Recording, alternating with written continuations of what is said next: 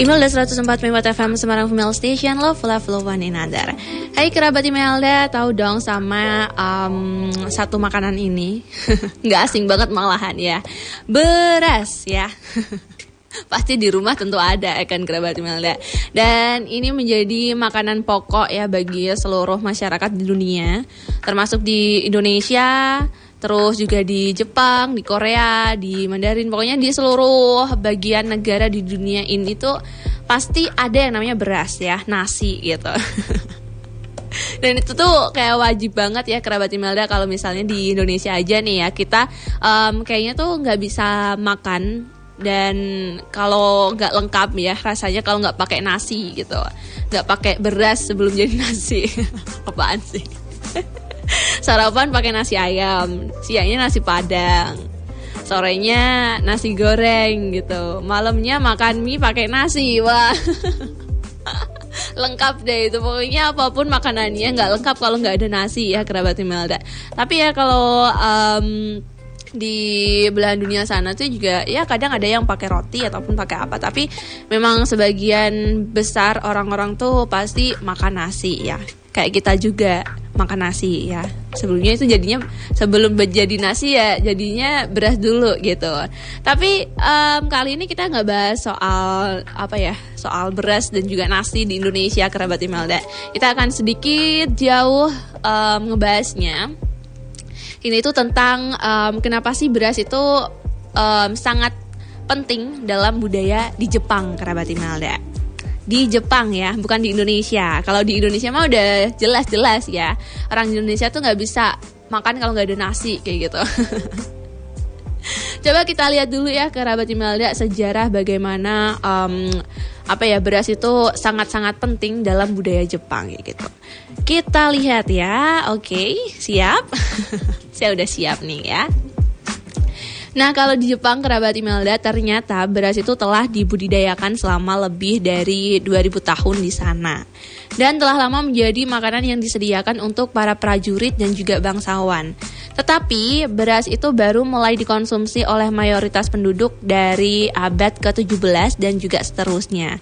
Jadi tidak uh, menjadi makanan pokok Jepang sampai uh, dari awal gitu tapi mereka itu uh, mulai uh, menjadi makanan pokok itu sekitar abad 20 dan walaupun apa ya banyak kegunaannya dari beras itu ini tuh menjadikan makanan utama dalam peradaban di Jepang kerabat Imelda.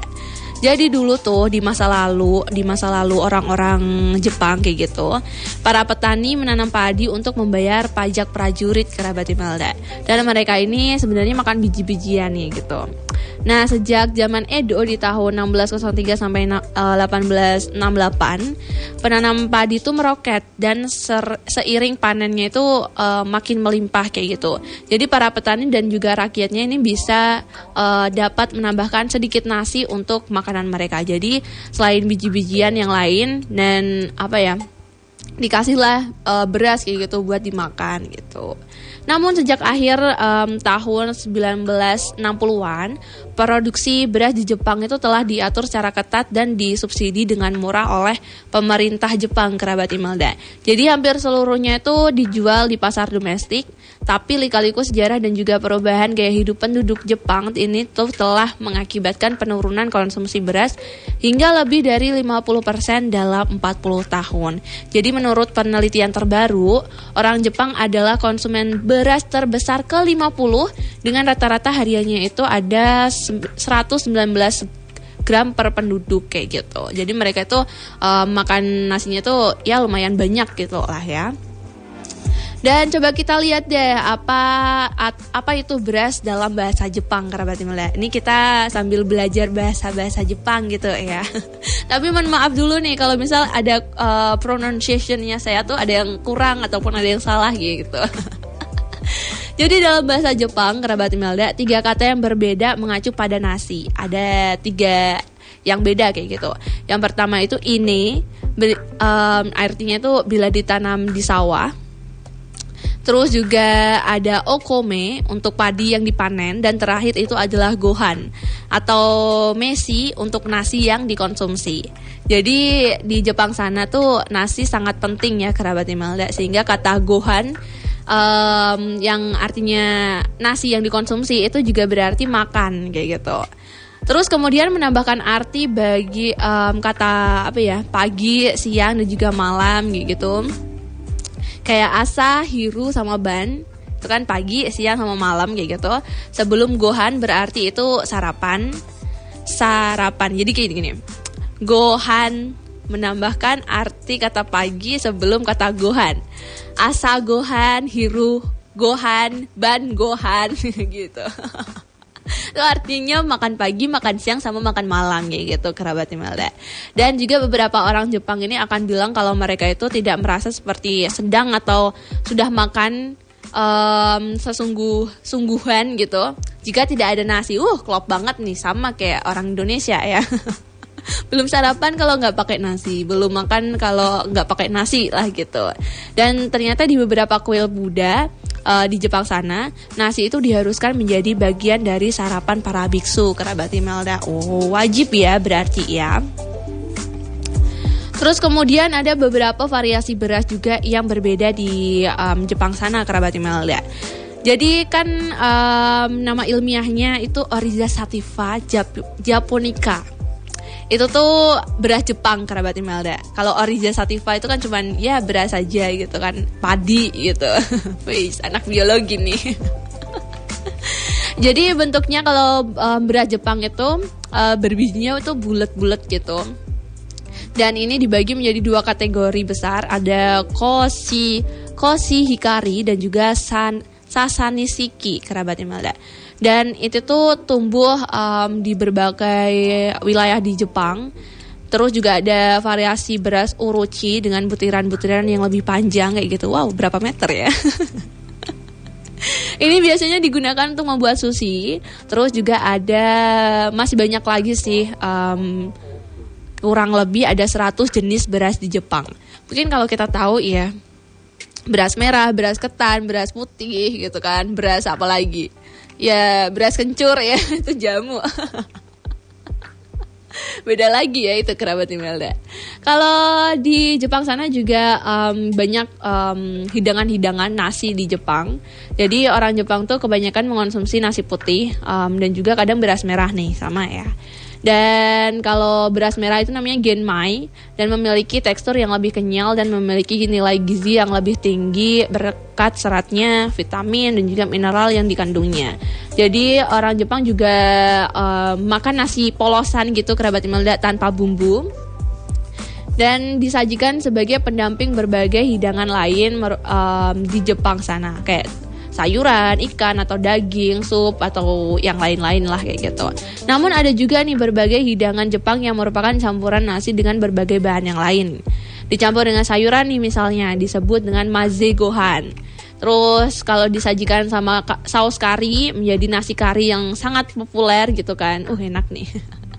kalau digoreng sama telur namanya itu adalah cacan sama sayur dan juga daging juga. Uh, enak nih. Digoreng nih. Kalau di Indonesia mana namanya nasi goreng ya. dan ternyata ya kerabat Imelda makan uh, nasi di Jepang itu tuh ada seninya, ada etikanya. Dan ini tuh sangat penting juga nih dalam budaya di Jepang. Ada aturan atau etika makan yang harus diketahui ya. Jadi kalau Anda makan nasi, jangan tuangkan kecap ke dalam nasi ketika makan di Jepang. Jadi um, kalau Anda melakukan kayak gitu, tatapan sinis orang-orang tuh akan melihat ke Anda karena menganggap itu tuh aneh gitu loh kerabat Imelda. Kayak, ih kok makan dicampur sama kecap gitu. Kalau orang Indonesia mungkin biasa ya makan nasi campur kecap, campur saus, sambal gitu kan. Tapi kalau di Jepang sana beda kayak gitu. Jadi um, sebenarnya orang-orang Jepang tuh menemukan rasa yang lembut pada nasi yang sulit dimengerti oleh orang asing. Jadi di saat anda makan sushi um, di Jepang gitu ya, jangan celupkan ikannya ke kecap asin. Oh, yang dicelupkan ikannya gitu, jangan nasinya gitu loh kerabat Imelda. cukup ikannya aja jangan nasinya gitu. Karena nasinya itu udah ada rasa yang apa ya yang khas dan ada rasa yang berbeda gitu loh. Kayak gitu kerabat Himalayan mungkin kalau kita biasanya sih langsung celup-celup gitu aja kan. Tapi kalau orang di Jepang tuh beda lagi. Oke okay, gitu ya. Sekali lagi kita itu nggak bisa hidup kalau nggak bisa nggak makan nasi sebenarnya sih bisa tapi emang um, apa ya ucapan tentang orang Indonesia, orang-orang di luar sana, orang Jepang itu nggak bisa makan, nggak um, klop rasanya, nggak makan sungguhan rasanya kalau belum ada nasi ya kerabat Imelda. Setuju? Saya sih setuju. Karena emang udah budaya banget ya budaya di Indonesia dan juga di Jepang sana juga hampir sama kayak gitu. Oke, okay. Walaupun agak sedikit ada perbedaan kayak gitu, tetap kita harus menghargai ya kerabat Imelda dan juga um, kita tahu kalau emang budaya orang uh, di negara kita terus juga di negara orang lain tuh emang beda-beda gitu. Tetap satu hati ya. Oke okay, itu tadi kerabat Imelda tentang beras dan juga um, berbagai macam-macam nasi ya di Jepang sana. Um, begitu pentingnya beras dalam budaya Jepang kayak gitu. Jadi kalau Anda misal pengen dengerin juga info-info menarik tentang Jepang, terus juga Mandarin, Korea kayak gitu, bisa dengerin terus Iskaner Email DFM atau mungkin kalau Anda ketinggalan, bisa aja nih cek di podcast Spotify ya, Email DFM Podcast cari aja di situ. Oke. Okay? Dadah.